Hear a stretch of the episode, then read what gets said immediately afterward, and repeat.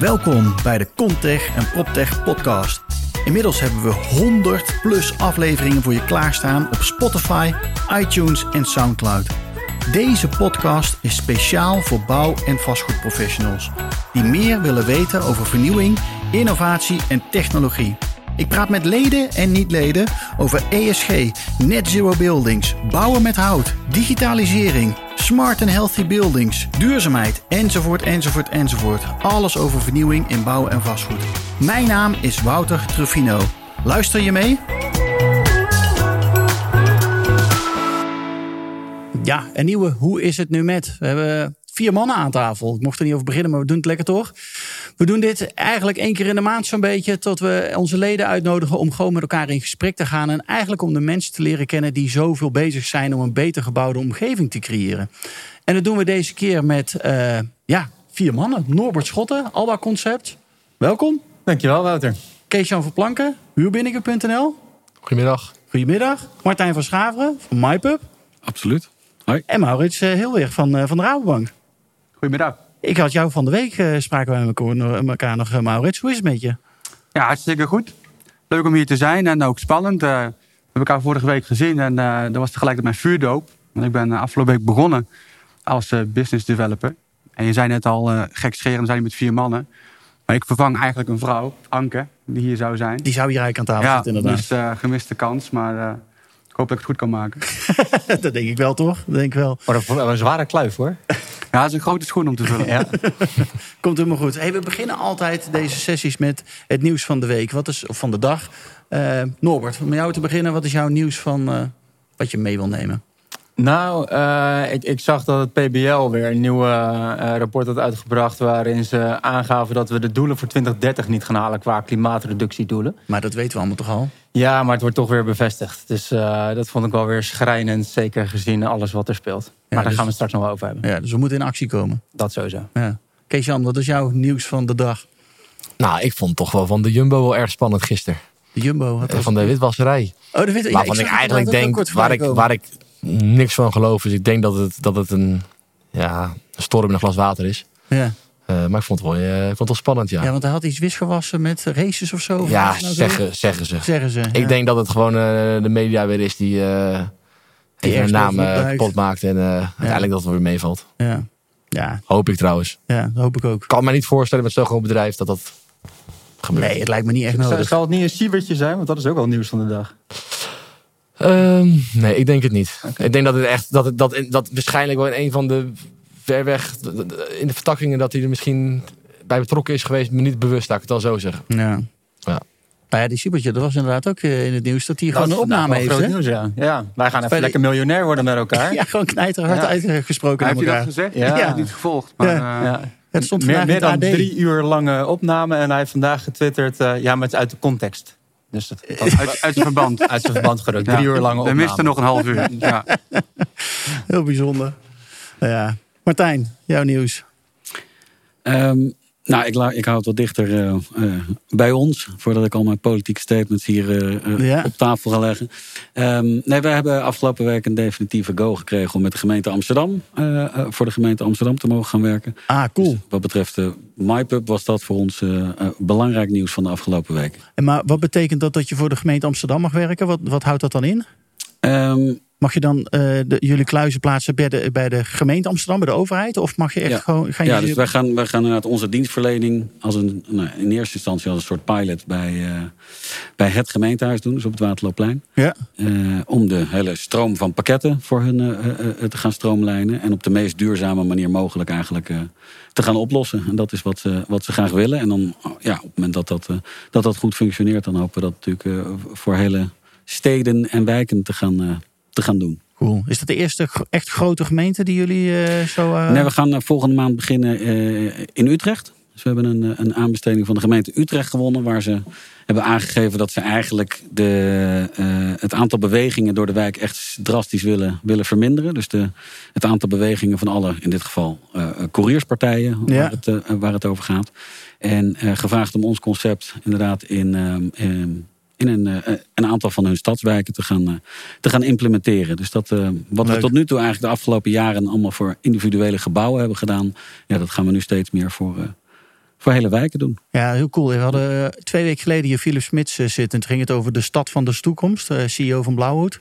Um, en die gaf ook Utrecht en Rotterdam als voorbeeld. Maar Utrecht vond hij heel mooi, omdat die heel erg bezig zijn met die mobiliteit van de toekomst. Veel op fietsen, de auto proberen te weren. En eigenlijk alles zo efficiënt mogelijk te organiseren. Zodat die stad ook inderdaad leefbaar blijft. Ja, uh, ze ja. hebben uh, het streven om de gezondheidsmetropool te worden. Want Amsterdam, oh, dat, Amsterdam dat, dat, heeft natuurlijk uh, de Wallen, dat heeft Ajax, dat, heeft, dat heeft iets. Rotterdam, dat heeft de haven, staat bekend om. Den Haag. Feyenoord. Feyenoord. Toch? Oh ja, dat is dit er ook nog. Maar Utrecht had eigenlijk niks. Dus nu, uh, nu zeggen ze, ja, wij, wij, worden de gezondste stad van de wereld. Gezondheidsmetropool. Oh, oké, okay, ja. cool. Ja. Ja. Nou, ik ben heel benieuwd hoe ze dat gaan uh, voor elkaar gaan krijgen. maar jullie zeggen. Ja. Ja. wij dragen er graag aan bij. Ja, mooi. Ja, dat is... Maurits, jouw nieuws. Ja, dat is misschien minder uh, lokaal, maar uh, mij viel op dat er weer een bericht kwam uit China over Evergrande, een van de grootste vastgoedontwikkelaars. Oh, echt? Dat er beslag was gelegd op het hoofdkantoor in Hongkong. En uh, ja, ergens intrigeert het mij enorm dat er dus zo weinig nieuws is en het nieuws een beetje onbetrouwbaar is. En tegelijkertijd een ja, hele grote economie met een hele grote vastgoedsector. Ja. En ik dus ja, moeilijk kan voorspellen en andere economen wat dat voor betekent in de wereld. Ja. En, en eventueel overspeel naar, uh, naar ons. Bizar, ja, er is veel maar aan de hand. Is, uh, ja. ja. Dus dat is ook nog niet opgelost, Evergrande. In het ja. licht van uh, China, Wouter. Wij, we hadden van de week even contact. Ja. En wat, is dan jouw nieuws van de week? Ja, ik, ik uh, appte jou inderdaad een, een TEDx-video door. En die zou echt iedereen moeten gaan bekijken. Want uh, ik vond hem best heftig. Ik was de eerste vijf minuten was ik echt gewoon, stond ik aan en dacht ik echt van, holy mac, hé, waar gaat dit over? En dat ging, uh, het was een TEDx-video over de ja, eigenlijk materialentransitie die nu plaatsvindt. Uh, als ik het goed zeg. Ja, en grondstoffen. Ja. Grondstoffen inderdaad. En waar komen die grondstoffen vandaan? En welke grondstoffen hebben we nodig voor de energietransitie? Nou, dat zijn allemaal nieuwe grondstoffen. Kobalt en uh, nikkel en weet ik van die wat allemaal. Allemaal uh, grafien.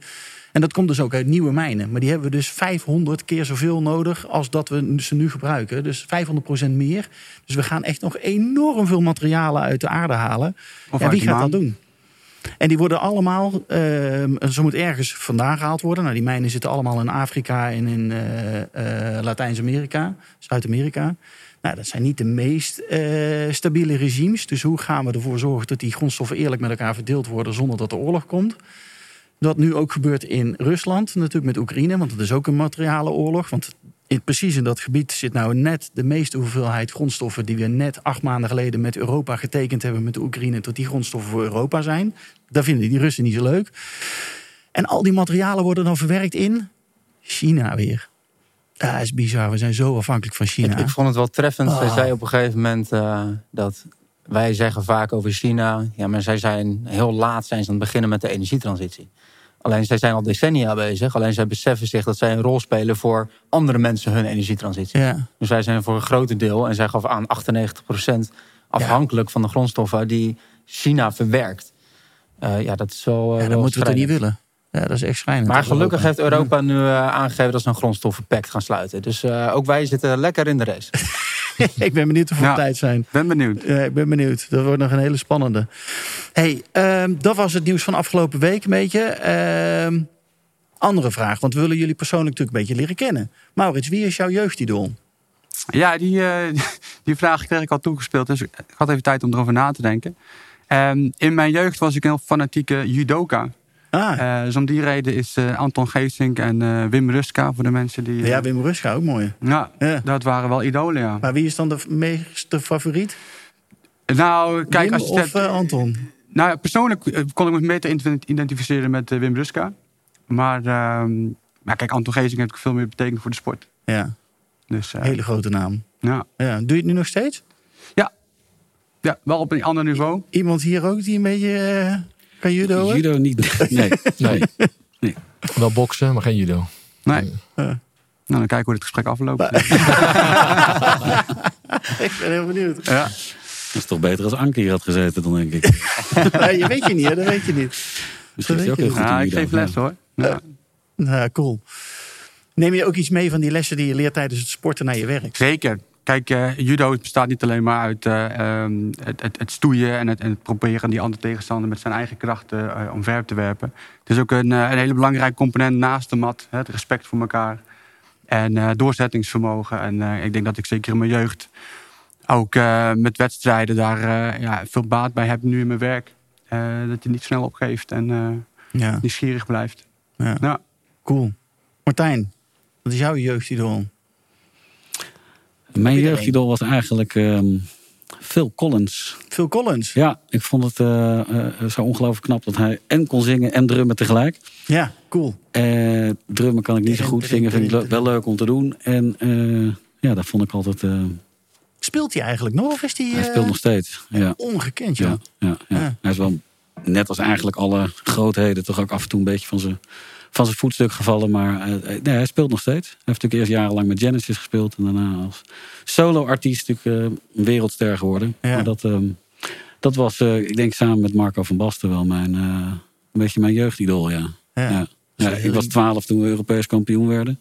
Dus dat was toen wel... ehm, dat was toen ook wel groot. Ja, Ja, dan wel weet echt je, dan- gemaakt. ja. Dan weet je meer dan, van dan ik waarschijnlijk. Want ik was negen toen, ze, toen we Europees kampioen waren. En ik kan me daar toch niet heel veel meer van herinneren. Dat is Nee, toch ik- net ik- even ik te alles. vroeg. Ja. Maar stond jij op 12-jarige leeftijd dan samen met je ouders in eh, de kroeg ergens de, de voetbal te kijken? Of was dat gewoon thuis, nee, eh, nee thuis met, met, met, jongens, eh, met jongens uit de straat keken we dan, eh, keken we dan bij iemand thuis. En, Cool, ehm, ja. eh, en toen met de rondvaart in de stad ben ik wel met mijn vader naar Amsterdam gegaan ja, om, te, om te kijken. Dat was natuurlijk zeer indrukwekkend. Heel vet. Ja, Kleine jongen van 12. Ja. ja dat kan me Nee, voorstellen. Ja. Kees-Jan, dat is jouw eh, idool. Ik denk wel meerdere, maar de eerste naam waar ik aan denk is toch Gerard Cox. En dat is eh, ehm, een, eh, een acteur en eh, eveneens zanger, Rotterdammer natuurlijk ook. Maar ik was echt verslaafd aan de, aan de, aan de serie Toen was geluk nog heel gewoon vroeger. Ja, Ja, en ik vind dat gewoon echt een, was wel een, altijd wel een, een soort van indrukwekkende man geweest. Dus ja, echt een idool. Ja, ik, ik- heb, een idool kan ook iemand zijn voor mij waarvan je denkt van, nou, die aap je na. Hè? Of de, maar dat, ja, dat doet dan bij hem dan weer niet. Maar ja, als ik aan mijn jeugdidool denk, dan was dat hem wel. cool. Ja, ja. Ja, heel leuk. Ben Ja. jij ook geboren en getogen in Rotterdam? of, eh? in, eh, in Zwijndrecht, dus er ligt naast. Dus eh Ja. beetje Amstelveen, Amsterdam, zeg maar. ja, precies. Ja. Ja. Maar je dan toen je klein was ook intimi- imitatie, intimi- imitatie, Nee, dat niet. imitaties, moet ik zeggen. Nee, dat niet. Ik vond, ehm, ik kan dus niet zingen. Ehm, dus ik heb wel geprobeerd om hem na te doen met zingen, maar dat was geen succes. La- Laten we dat vooral niet gaan doen hier. Nee, precies. Nee, Nee, nee, laat nee, dat nu niet doen. geen vervolgvraag te stellen. Nee, nee, nee. Nee, maar dat is eigenlijk de eerste aan wie ik denk. Leuk, mooi. Norbert, en jij? Ja, de eerste aan wie ik denk is eigenlijk Dennis Bergkamp. En eh, ik vond het wel mooi, laatst werd eh Thierry Henry eh, ook gevraagd. eh, joh, wie is nou de beste speler met wie jij ooit hebt gevoetbald? Ja. En, en hij heeft met Messi gevoetbald. En eh, hij zei, nee, Dennis Bergkamp. Ja, weet je het zeker? Want je hebt met Messi... Nee, De- Dennis Bergkamp. Eh, dus dat was voor mij wel altijd een mooie speler om te zien. En, eh, Vertelde hij ook waarom? wat zeg je? Vertelde hij ook dan ook waarom? Nee, niet aan dat fragment. eh, nee, nee. Maar ik vind dat, zeg maar even in mijn jeugd, zeker toen ik vijf was, toen was Ajax echt in zijn hoogste jaren. Want als semi-Rotterdammer ben ik toch voor Ajax. Maar ja, dat ligt gewoon aan het feit dat je op de leeftijd dat je met, met voetbal begint, zie je de beste club op dat moment. En daar word je voor. Was dat het tijdstip dat ze tegen Gremio wereldkampioen werden? Dat soort, Ja, eh, vijf- 95. 95, ja, 95, ja. In 95, ja. Ja. Dus eh, ja, dan eh, wordt toch een van de Ajax-spelers een van je idolen. Ja. Zo werkt dat. Jammer. Nee, geeft niet. Nee, we kunnen er niks Nee, aan doen. Iedereen heeft zijn mankementen. Ja, precies. Voor de rest ben je goed bezig. Ieder gek zijn gebrek. We stoppen over het voetbal, eh, jongens. En Wat wilden jullie worden toen je klein was? Maurits, bij jou weer te beginnen. Eh, ja, dat ging eigenlijk alle kanten op. Eh, toen ik heel, heel klein was, dacht ik oprecht dat je krokodil kon worden. Maar dat bleek niet het geval. Tenzij je van carnaval houdt, dat lukt dan wel. Ja, Het is wel een origineel antwoord. Die heb ik ja. niet eerder gehoord. Nee, hè? deze is wel mooi. Nee, nee ik, zie, ik zie me nog binnenkomen. Maar ehm, eh, en op een gegeven moment keek ik dan naar... Ik was dus heel fanatiek aan het judoën. Eh, en een van mijn eh, trainers, een sensei, die deed, eh, was stijgerbouwer. Ik dacht, nou, dat, is een cool. mooie combinatie. Dan kan ik en geld verdienen en trainen. Ja, Stop. Ja. Nou, nou, is niet geworden. dat is niet geworden. Nee. Maar hoe ben je uiteindelijk dan bij een bank terechtgekomen en ook in het vastgoed? En, want je hebt ook op je LinkedIn staan dat je met PropTech bezig bent. Nou, dat is al heel wat. Ja, dat ging alle kanten op. Maar ehm, het begon eigenlijk al een klein beetje na de middelbare school als een zomerbaan bij Verlandschotbankiers. Eh dus daar rolde ik eigenlijk al bij eh, in, in de bankaire sector. Ja, En, eh, en eigenlijk kwam dat steeds terug. Ook dat ik economie ging studeren, kwam ik bij ING terecht. En, en vervolgens weer een omzwerving weer bij, bij ABN. Even via uh, bij- naar, naar Rabo. Rabo, ja. Ja, er zat nog Alex tussen. En nu tien jaar Rabo. En, Maar wel altijd de voorliefde gehad voor en de bankkant, maar ook de technologiekant, toch? Zeker. Ja, Ja. ja. ja want, ik ben dus, wat ik al zei, net begonnen als business developer. Innovatie PropTech, maar hiervoor was ik eh productmanager data en analytics. Dus met name bezig met optimaliseren van datastromen. Ja, Dus eh, ja, daar komt een hoop techniek bij kijken. ja, cool. Hoe is dat voor jou, Martijn? Wat ik vroeger Wat wilde... jij vroeger worden? Ja. Ik wilde het liefst... Wilde jij altijd een ondernemer worden? Nee. Of, eh, Nee, ik wilde het liefst professioneel sporter worden. Ik was eh, fanatiek met tennis en met hockey en met honkbal. Dus ik zag mezelf. oh, je hebt wel nog veel gedaan dus. Dus ik zag mezelf nog wel in Amerika honkballen. En, ehm, En die ballen over het hek heen rammen. En ik kwam daar, ja, na- na- naarmate de jaren vorderden wel achter dat dat hem waarschijnlijk niet ging worden. Dus eh, eh, toen dacht ik, nou dan. Wel op hoog niveau gedaan nog? Sportjournalist, dat leek me dan, eh, dat leek me dan de, next best, the next best thing. Dat ik wel naar al die wedstrijden kon kijken. En dan nou ja, een beetje aan elkaar praten. Dat kon niet zo moeilijk zijn. Dus dat, eh, Ja. Je, je hebt wel een beetje een radiostem ook wel.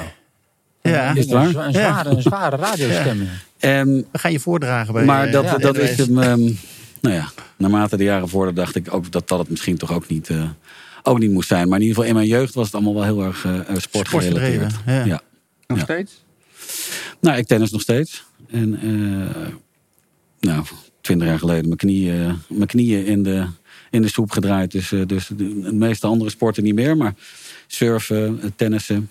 Eh, Maar begrijp ik nou goed dat er een padeltoernooi is? Ja, ja, ja, Eh, we gaan padellen inderdaad Ja. met het, eh, het RBF Festival. Ja, we hebben nu elf teams volgens mij. Ja, is wel. Kijk, Ja. ja, dat is wel hartstikke leuk. zeker leuk. ik Er echt heel veel bedrijven doen mee. Nee. eh. Nee, ik geloof dat er misschien wel een team van ons meedoet, maar ik zelf niet. Nee.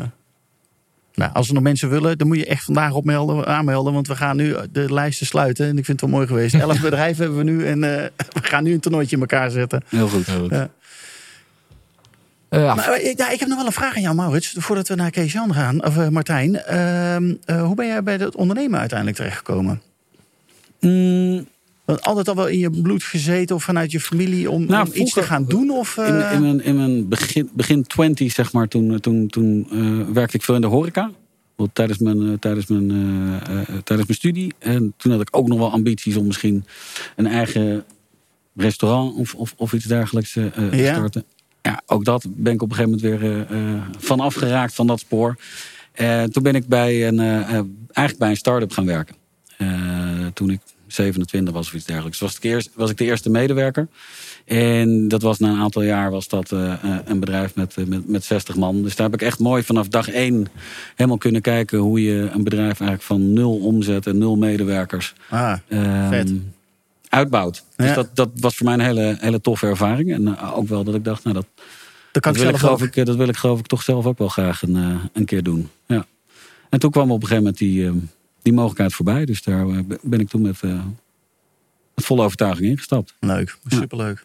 Kees-Jan, en jij? Wat wilde jij worden toen je klein Rotterdammetje was? eh, verkeersagent. Verkeersagent, Het kijk. me fantastisch om eh, door rood te rijden en heel dag eh, 200 plus te rijden. En iedereen aan te Lijkt me nog steeds van, fantastisch eh, jij trouwens. doet het, doet leek me geweldig dat als je de, de snel oprijdt, dat je allemaal rode lampjes ziet. Iedereen Ja. in paniek. Dus ja, ik wilde heel graag eh verkeersagent worden.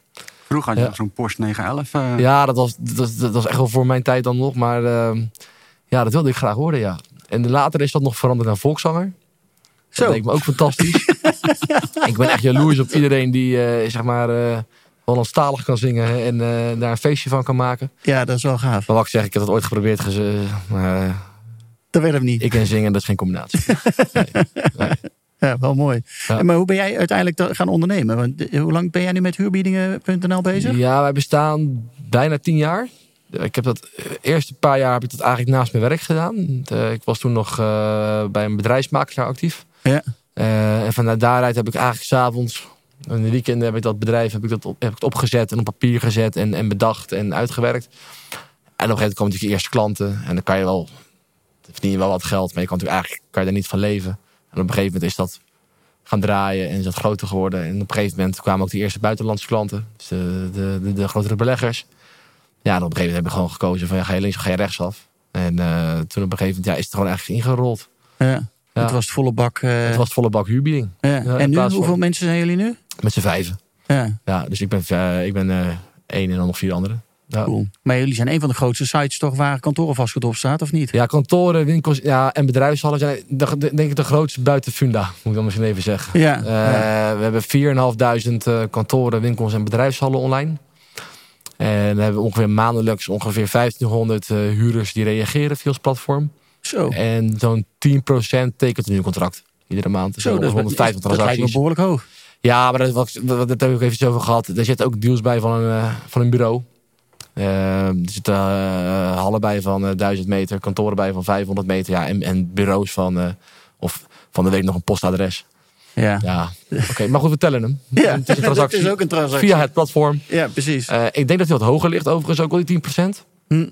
Alleen wij kregen bij, bij, wij worden niet betaald op coutage. Dus wij, wij, ons, ja, ons succes, we worden daar niet op afgerekend. Dus eh dit is ongeveer wat teruggekoppeld krijgen, laat ik het dan zo zeggen. Ja. Ja. Mooi. Norbert, wat wilde jij worden toen je klein was? Ja, je zei toch, eh, we gaan het niet meer over voetbal hebben. Ach, jongens. Ja, maar ja, ik wilde toch echt profvoetballer worden. ja. En, ik En hoe ver heb je het eh, geschopt? Nou, ik kon redelijk voetballen wel. Nog even bij de KNVB eh, rondgehuppeld. En toen dacht ik, nou, dit wordt het. En na het eerste seizoen bij de KNVB, toen zeiden ze, ja, maar je bent gewoon niet goed genoeg. Oh, Dus de, me- toen? de meesten zeggen dan van, eh, ik, ik heb een zware blessure, dus ik kon geen profvoetballer worden. Maar ik was gewoon te slecht. ja. Eh, en toen ben ik me vol op de bouw gaan storten. Hoe kwam dat aan om dat te horen? Op welke leeftijd kreeg je dat te horen? Dat je niet goed genoeg was? Toen was ik 14, denk ik. Ja, dat is best wel een leeftijd waarvan je denkt dat je de hele wereld aan kan. Ja, Hoe komt dat ja. dan binnen? Nou, dat is geen leuk moment natuurlijk. Ehm, maar ik, ik kan me niet herinneren dat ik daar heel erg over in heb gezeten. Ja, dacht huppakee, gelijk weer door en het volgende gaan, Ja, we, gaan we doen. Ja, dat eh, heb ik de afgelopen periode ook wel gemerkt. Dat, eh, dat als er iets op je pad komt wat negatief is, dat je dan omarmt en meteen kijkt van oké, wat, wat is het positieve eraan? Hoe kunnen we daar een draai aan geven? Ja, mooi. En nu, want je hebt heel lang bij Forum gewerkt. Ja. Nu, de, eh, ik denk een half jaar geleden, is een beetje overstap gemaakt naar Alba Concept. Ja, iets meer dan een half jaar geleden. Bijna acht jaar bij Vorm gewerkt. Ehm, daar heel veel leuke dingen gedaan. Eh, superleuk bedrijf ook. Eh, en heel veel Prachtige geleerd. plek. Ja, Mooi- mooie plek. hele mooie zeker, plek inderdaad. Zeker. Ja. Eh, Den Bosch is ook niet mis, moet ik zeggen. Ehm nee, hartstikke goed naar mijn zin gehad. Heel veel geleerd. Eh, alleen ik wilde gewoon meer impact maken in de sector. Eh, en ik denk dat ik dat met Alba heel goed kan doen nu. Leuk. Wat ga je precies doen bij, binnen Alba? Of wat doe je binnen Alba? Ehm, ik probeer me vooral te focussen op eh, bedrijven die zeggen van help, ik moet of ik wil verduurzamen, maar ik weet nog niet zo goed hoe. Ja. Eh, dus help me met eh, het ontwikkelen van een bedrijfsstrategie dat het echt duurzaam is. En hoe ga ik mijn mensen daarin meenemen? Hoe ga ik er transparant in zijn naar de sector toe? Dat is waar ik me vooral op focus. Ehm, en daarnaast zijn er heel veel leuke inhoudelijke stukken, zoals nu het carbon budget denken, waar ik mee bezig ben. Cool. En was jouw eh, de eerste acht maanden, of eh, waren je eerste maanden bij, binnen Alba Concept? Heb je Ehm, leuke partijen gesproken die ook daadwerkelijk die zoektocht zeg maar, eh, met je aan willen gaan? Zeker, zeker. Ja, steeds meer. Sterker nog, je bent eigenlijk wel een beetje een sukkel als je gewoon dat niet doet als bedrijf. Zo, kijk, nou, die eh, is Ehm. een eh, statement, toch? Ja, we moesten wel een beetje statements op tafel leggen, toch? Ehm, dus, dus nee, ik zie wel dat heel veel bedrijven die, die stap gaan maken. Je moet ook wel. Eh, enerzijds, medewerkers verwachten het van je. eh, klanten verwachten het van je. Maatschappij verwacht het van je. Eh, en het is ook nog eens gewoon lucratief. Ehm, dus ja, het is wel een eh, leuk speelveld nu. Leuk. Maar het is niet makkelijk om die beweging in, in gang te zetten. Want hoe, hoe zien jullie dat? Zien jullie dat ook? weer? Nou ja, ik wil daar gelijk een vraag Ja. stellen. Want nu met de toenemende energieprijzen. Ja. Als de pijn eh, steeds nadrukkelijker eh, zichtbaar wordt. Merk je dan een toename van vragen? Of Nou, wel specifieke vragen. Eh, dus gisteren had ik Vincent aan de telefoon van iWell. Ja. Ehm, dus als het gaat om energieopslag. Ja, dat is, was vorig jaar, toen was ik bij Vormen ook mee bezig. was het voor ontwikkelaars nog niet echt heel erg lucratief. Net, net een beetje wel, moest je een beetje goed boekhouden, zeg maar. Ja, en nu elk bedrijf weet dat als je een nieuw bedrijfsplan gaat maken... dat je jezelf in je vingers snijdt als je dat niet doet. Dus als je sec kijkt naar het eh, thema energie... dan zie je wel de bedrijven daar echt wel eh, veel harder op inzetten. Eh, en tegelijkertijd zie je in de sector dus ook een, een draai, een goede beweging naar die materiaalgebonden emissies. Ehm, dat is nog wel een koplopersgroep, moet ik zeggen. En maar hoe Ja. zie jij dat, Kees-Jan? Want jij, jij verhuurt al die panden. Mhm. Kijken huurders daar nou ook al steeds meer na... naar hoe, hoe die panden zijn gebouwd... en of ze duurzaam zijn en energiezuinig? ehm, of is het toch vierkante meter en moet het vooral in Rotterdam zijn? Ja, toch wel het laatste. Want wij zitten, als je kijkt via het platform, eh, ehm 80% van de huurders die wij binnenhalen zijn toch ergens tussen de 0 en de 500 vierkante meter als het gaat om kantoren. Ja. Ja, dat zijn toch wel de wat kleinere bedrijven. Dat is ongeveer dit. Ja. Ja, en die zijn eigenlijk gewoon veel meer bezig met waar zit het en, eh, en eh, welke locatie. En de, en de, de huurprijs moet nog onderhandeld worden. Het zijn toch wat, wat, wat andere partijen. Eh, maar goed, we hebben ook organisaties die, die, ja, die gewoon, eh, want er zijn ook eh, veel leads die, die mailen ons. Veel, we kunnen over het platform gaan scrollen, maar dit, dit, dit, dit en dit, dit zoeken wij. ja, kun je ons helpen? Ja, en dan moet het een label A zijn. Ja, Ja. Of, of, of, of label dit. Of we moeten zoveel laadpalen verplicht hebben. Of weet je wel. Ja, dus, dus het speelt wel. En zie je Maar die bij de vragen kleinere- meer komen? Of de, ja, de- hoe zie je dat? Zie je, die- hoe zie je die verandering? Ehm, nee, die, het probleem is, eh, althans, de, de leads die wij ook binnenhalen, die, komen, die, die worden direct door het systeem verwerkt en die gaan direct naar de, de adverterende partij. Ja. Dus Maar hebben jullie een je filter? Sorry. Eh, zie je voor jezelf wel een rol als platform? Om daar hen in te voorzien in informatie? Ja, nee, nee, Bij ja. een X-pand met een energielabel van ei. Heb je toch wel een probleem in de komende jaren?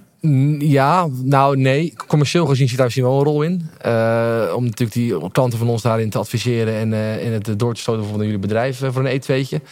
Ehm, maar ondanks dat het belangrijk is, ehm, zijn wij zo platformachtig. Weet je, wel, het is eigenlijk een beetje hetzelfde als je tegen Marktplaats zegt van... hé, hey, je hebt eh, 2500 banken online, maar ze moeten allemaal gestoffeerd worden. Ja, dan zou Marktplaats ook zeggen, joh, ja, heel veel succes. Maar je Ja, kan dan net bij Marktplaats een filter Ja. toepassen. Ja. Ja, maar dan kan je bij ons ook. Dus kun je Je kan filteren. van ik wil energielabel C. Ja, energielabel is bij ons geen filter.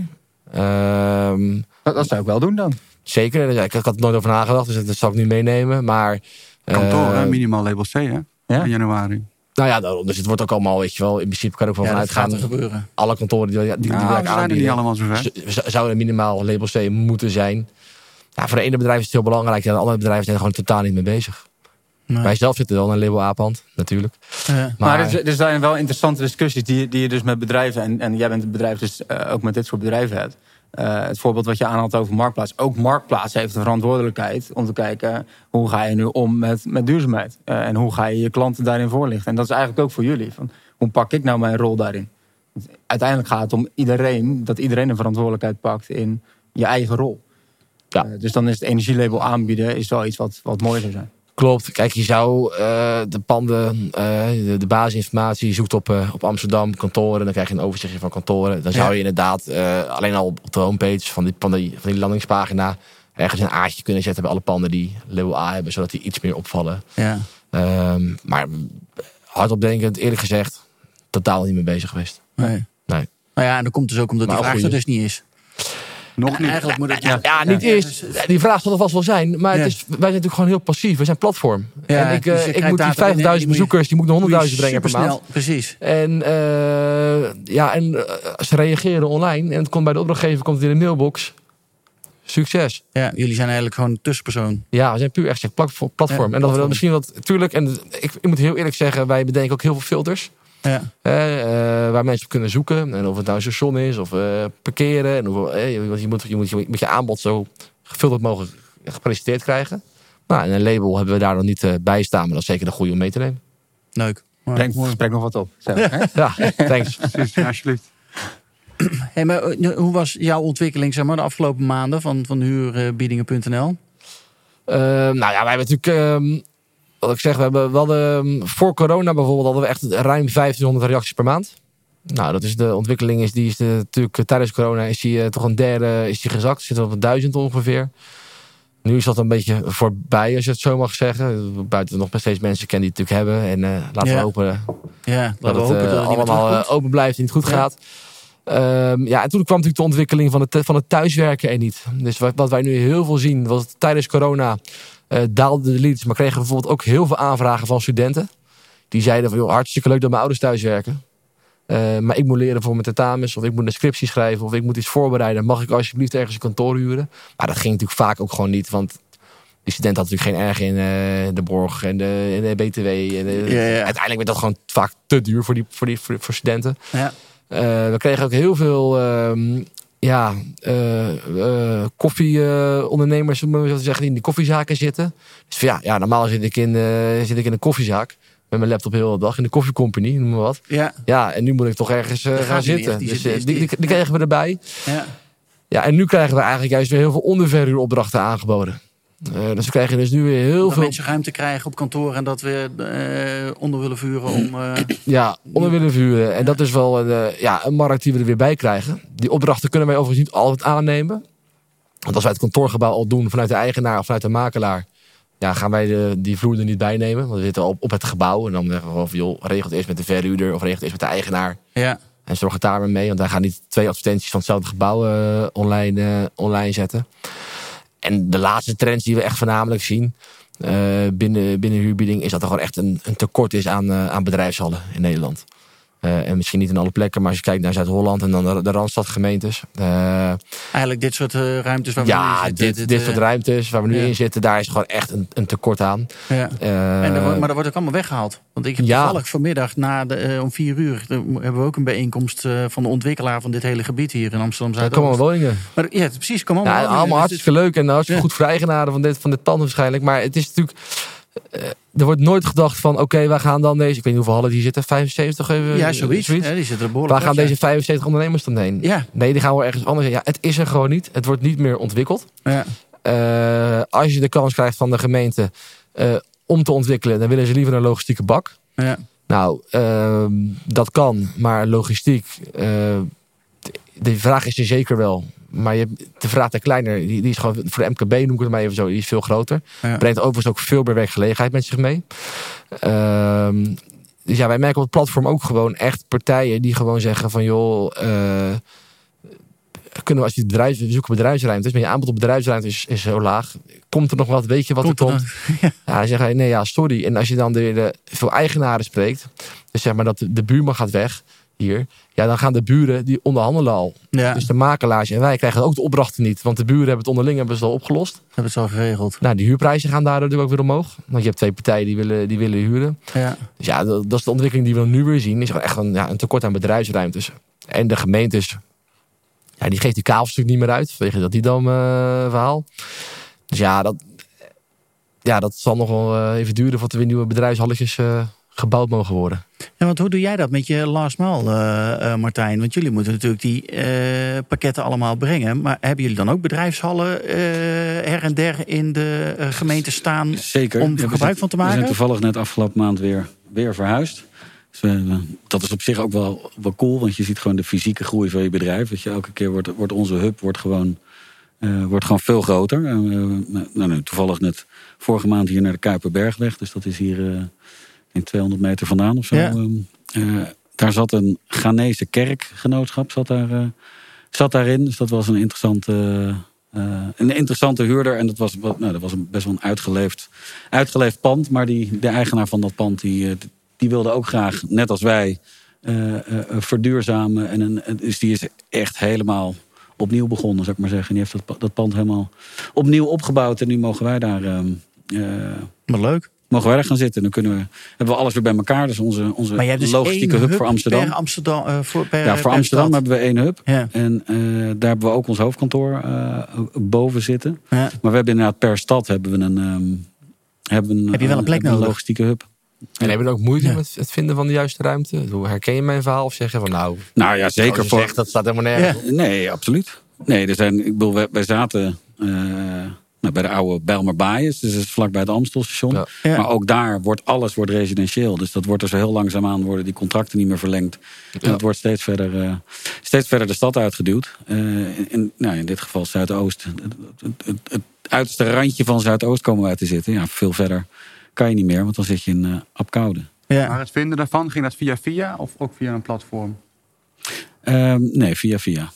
Ja. Ja, nou, we, ja, nee, we hadden wel een soort bedrijfsmakelaar. Hadden we semi-bevriende bedrijfsmakelaar hadden we, hadden we hulp van Ah, ingeroepen. echt, als je, het, het Anders het anders hadden we dit niet echt gevonden. vechten voor een, voor een goede locatie op het moment. Ja, dat Maar dat is toch bijzonder, want we moeten die stad levendig houden. En we hebben toch ook dat, dat soort plekken nodig om die mobiliteit te, te garanderen. En om, nou, ook om werkgelegenheid te garanderen, lijkt mij. Maar ja. Ja, en het is gewoon de grootste sector van Nederland. Ik bedoel, het Ja. gaat hier toch om de MKB. Volgens mij zijn de, zijn de meeste bedrijven in Nederland dus de grootste Is sector MKB. MKB. Eh, en die hebben gewoon opslag nodig. Ja. En, eh, en het, wordt gewoon niet, het wordt gewoon niet meer ontwikkeld. Kijk, wat er nu ontwikkeld wordt, eh, dat zijn natuurlijk op locaties die al van eigenaren zijn. Maar vanuit de gemeente wordt er gewoon geen locatie. Die zit totaal niet meer in de strategie van de gemeente. Heel bijzonder. Hoe krijgen we dit weer op de agenda? Nou, daar is toevallig de VVD al mee bezig geweest, weet ik. Daar zaten we laatst voor bij, bij eh, BNR. Uh, Oh? LKB Nederland zelf is er ook al mee bezig. Die heeft Ja. ook al het, het tekort gezien. Diverse bedrijfsmakelaars schreeuwen het al. Maar wij natuurlijk een klein beetje tegenaan lopen, is natuurlijk ook het Didam-verhaal. Veel locaties zijn natuurlijk ook al voor de Didam, maar zijn natuurlijk al eh, toegewezen aan diverse bedrijven of ont- ontwikkelaars. Nou, de gemeente, die, en wat je nu gewoon een klein beetje merkt van ja, wat moeten ze nu doen nu de Didam natuurlijk gekomen is. Ja. Dus het ligt, het ligt gewoon natuurlijk ook een klein beetje stil. Eh, en als er locaties doorgaan, dan ziet de gemeente toch liever een logistieke center van eh 10, 20, 30.000 vierkante In één keer meter. een hele grote doos. Ja, want Ja. De Nou, bedrijfshallen, Woningen, Of. Woningen. Er zijn- Woningen, Er zijn meerdere uitdagingen Ja. waar de, waar de Kijk, overheid mee worstelt. Ja. die bedrijfshallen die brengen meer werkgelegenheid. Dat is, eh, er zit wat, wat in zo'n bedrijf als dit, een half van 300 meter, werken gewoon net meer mensen dan in een logistiek ding waar alles met robots wordt bestuurd. Ja. Eh, maar goed, weet je, gemeenten zijn ook wat sceptisch over bedrijfshallen. Dat brengt natuurlijk ook wel meer, misschien wat meer rommel, meer onrust met zich mee. Eh, meer verkeer, weet je wel, dat is ook allemaal dingetjes. Dus ja, het is, eh, het is, het is lastig. Lastig. Maurits, jouw eh, laatste maanden, vertel. Wat, eh, wat, jij hebt ook veel gedaan met data, zei je net. Ja, Dus precies. Eh, nou, wat ik al zei, Zeg. 1 september begonnen. En hiervoor was ik vooral bezig met het optimaliseren van die datastromen. Hè. Zoals ik net al zei, 1 eh, januari dienen alle kantoren minimaal label C te hebben. Ja. Dus wij proberen ook vanuit de bank zoveel mogelijk die administratie te optimaliseren. Dat we ook precies zien, bij alle zekerheden of collaterals, wat het huidige energielabel is. En in hoeverre we ook klanten kunnen helpen hè, met het verduurzamen of nieuw het gesprek aan te gaan. Ehm, van hè, wat zijn de mogelijkheden? Eh, ook wat wij daarin kunnen betekenen. Ik heb begrepen dat één type eh, gebouw, namelijk gevangenissen, eh 40% daarvan niet gaat voldoen aan die label C. Vond, ik- vond ik wel een interessante. Niemand denkt na over de energielabels van gevangenissen, maar 40% voldoet niet. Is een gevangenis. doen dan? Wat is een Maar was dat sowieso dan? niet bij überhaupt bij Rijks, eh, bij Oh. overheidsgebouwen dat dat... eh, en bankgebouwen. dat, dat dat dat een issue uitdaging zijn. Ja. Ja. Ik vond het wel een interessante gedachte. Ja. Gaan we die dan allemaal vrijlaten straks, in januari? En hoever is een gevangenis een kantoor dat ook aan een Ja. label C moet voldoen? Ja. Ik weet dat sommige criminelen daar wel echt een kantoor van maken. Maar, maar eh, ja, goede discussie. Maar dat Ja. is wel een, is een mooie vraag, want dat was wel iets waar ik mee bezig was. Kijk, ehm, eh, als productmanager data keek ik naar alle sectoren, niet zozeer specifiek naar kantoren of vastgoed. Hè, maar het is wel handig als we als bank een strategie hebben voor alle sectoren. Dus ook voor andere type objecten. Ja. Hè, ook voor gevangenissen. En het is natuurlijk wel netjes als wij als bank daar ook gewoon een voorzet in doen naar de klanten. Van hè, dit, is, eh, dit is waar wij in de toekomst op willen financieren. En, eh, en waar we jullie mee willen helpen. Ja. Om te verduurzamen. We hebben een mooi gesprek ook over eh, label C eh, tijdens RBF. Eh, de opening komt Annette Bertram van het ministerie van BZK en ook DG bij Rijksvastgoedbedrijf. Daar ook over praten, over label C en over die hele verduurzaming, wat te doen. Dat is super interessant.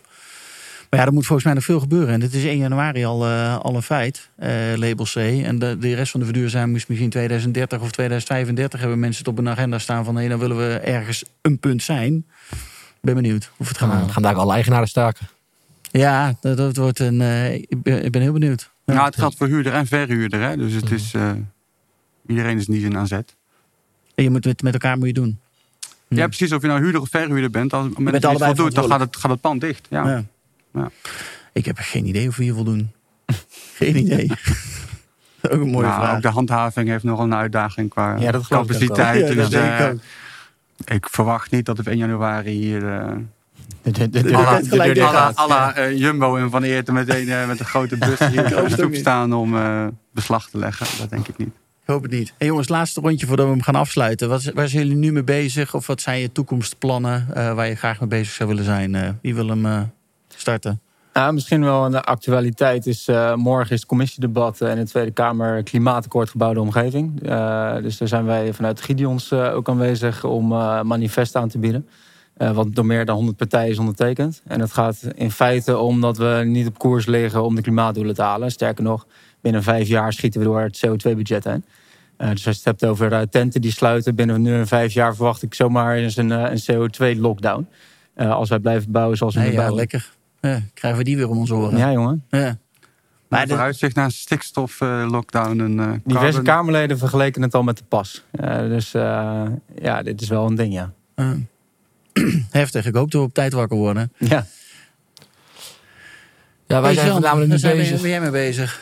Nou, wij zijn nu eigenlijk bezig. Wij zien gewoon dat, dat het groot deel van ons klantenbestand zijn eigenlijk eigenaren direct. En eh, we zijn eigenlijk eh, begin dit jaar zijn wij ook echt begonnen om veel te samenwerken met de bedrijfsmakelaars eh, op te zoeken. Dus daar zit onze uitdaging in dit jaar om eigenlijk gewoon nog een paar honderd bedrijfsmakelaars aan te sluiten op het platform. Zodat zij hun vastgoed Bij ons, bij ons aanbieden. Maar Ja. goed, het is alternatief, het is nieuw, het is, het is innovatief. Ja, Het was niet allemaal over één kam scheren, maar het is ook allemaal een beetje spannend voor heel veel bedrijfsmakelaars. zeker. Ja. We hebben Alfunda, hè, dat hoor je ook vaak. Ehm, ja, terwijl wij bijvoorbeeld eh, toch bij diverse Google-posities, en vooral ook in ads, maar ook in de gratis worden, ja, gewoon hoger scoren. Ja. Ehm, dus we proberen dus een beetje te over. Dus ons, ja, ons ding waar we mee bezig zijn dit jaar is om die bedrijfsmakelaars aan te sluiten. Cool. Ja. Ja. Martijn, voor jou. Je hebt natuurlijk gemeente Amsterdam. Als Zeker. klus. Ja, nee, Maar andere onze, dingen. Onze, onze missie is eigenlijk een, een, een schone en, en veilige, leefbare stad. Ehm, dus ja, die enorm sterk groeiende stroom van, van, van, van couriers is, is ons echt eh, wat dat betreft een doorn in het oog. Dus vandaar dat wij inderdaad proberen met, met hubs aan de rand van de stad ehm, ja, die boel te consolideren. Dat er eigenlijk maar één courier naar je pand of naar je wijk of naar je, Ja. eh, naar je woning eh, eh, hoeft te komen. Eh, en dat hebben we tot nu toe dus inderdaad voor, ja, voor kantoorgebouwen gedaan, voor appartementencomplexen, voor ziekenhuizen, universiteiten, maar altijd gebouwen. Eh, en we zijn nu met heel veel eh, gebiedsontwikkelaren in gesprek, die inderdaad allemaal hele nieuwe stadswijken aan het ontwikkelen zijn. En dat moet bij voorkeur allemaal autoluw of zelfs autoloos zijn. ja. Ehm, maar Ja, dan moet je met voor elkaar. de zomer een leuk diner voor georganiseerd. Absoluut. Ja. En, maar dan moet je met elkaar wel goed nadenken over, eh, over de logistiek in zo'n wijk. Want autoluw klinkt heel leuk en dat is het ook. Maar Hoe er dan? Zitten wel een hoop, er zitten wel een hoop consequenties aan. Ja. Ehm, ja, en verder, dus, dus, dus dat, zijn we, dat zijn we aan het doen. Wel, wel een mooi idee, eh, even tussendoor. Ik, Dankjewel. ik kende het nog niet, maar eh, het klinkt wel mooi. Nee, het gaat ook, het, het- ja, het groeit ook heel sterk. We- Nou ja, wat, je, wat jij net aangaf tijdens corona, is, de, is men nog meer online gaan bestellen. Eh, en wij hadden er wel last van in die zin dat veel van die pakketten bij ons vroeger bedienden wij heel veel kantoren. Eh, En nu moesten ze daar zat, allemaal naar daar huis. zat ineens niemand meer. Ja. Ehm, maar goed, wij zijn aan de andere kant heel sterk gegroeid in, eh, in residentiële complexen, dus in appartementencomplexen. En nu zien we ook wel weer dat die kantorenmarkt aantrekt. Maar of het nou bij een kantoorland of, of bij een appartementencomplex, die, ja, ja, dat maakt op zich er moet uit. iets met die stromen. En, Als het en- maar niet bij elke huis apart is, voor elke de, eh, en leverancier ook apart. en in hele stadswijken willen ze er ook graag, eh, graag iets mee. Dus eh. Ja. we groeien wat dat betreft eigenlijk aan alle kanten hard. En ehm, nationaal, maar we hebben ook afgelopen jaar eh, in Berlijn en in Dublin. En ehm, hebben, Oh, we, cool. hebben, we, hebben we nieuwe locaties eh, Ja. aangesloten. We waren al actief in, eh, in Londen en in München.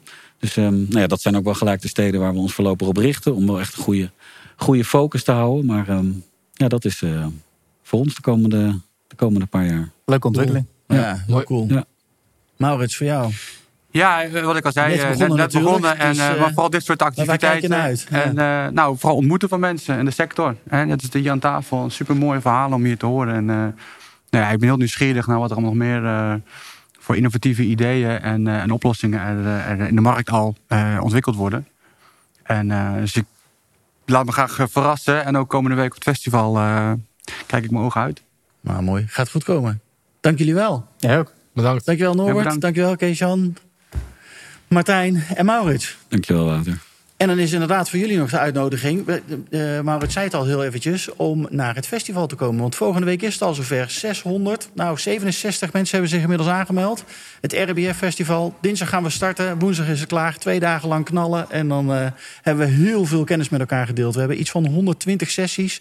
Maar waaronder dus ook een padeltoernooi. Een aantal borrels. Eh, het wordt gewoon super gezellig. Dus ik hoop jullie daar te zien. Tot de Complimenten. volgende keer. Leuk. Dankjewel. Dankjewel voor het luisteren naar deze aflevering van de Contech en PropTech podcast. Ik hoop dat je andere afleveringen ook gaat luisteren. Maar ik hoop dat je natuurlijk ook een keer naar ons clubhuis komt in Amsterdam. Waar wij om de twee weken een masterclass organiseren over verschillende onderwerpen. Maar ook altijd op de eerste vrijdag van de maand een draait door show maken. Een echte tv-show met publiek aanwezig. Waarbij we natuurlijk borrels organiseren. Zodat mensen elkaar kunnen ontmoeten en netwerken met elkaar. Zodat er een beter gebouwde omgeving gecreëerd kan gaan worden. Ik hoop je snel te zien. Of in ieder geval online of fysiek. En ik wens je nogmaals een hele fijne dag toe. Tot snel!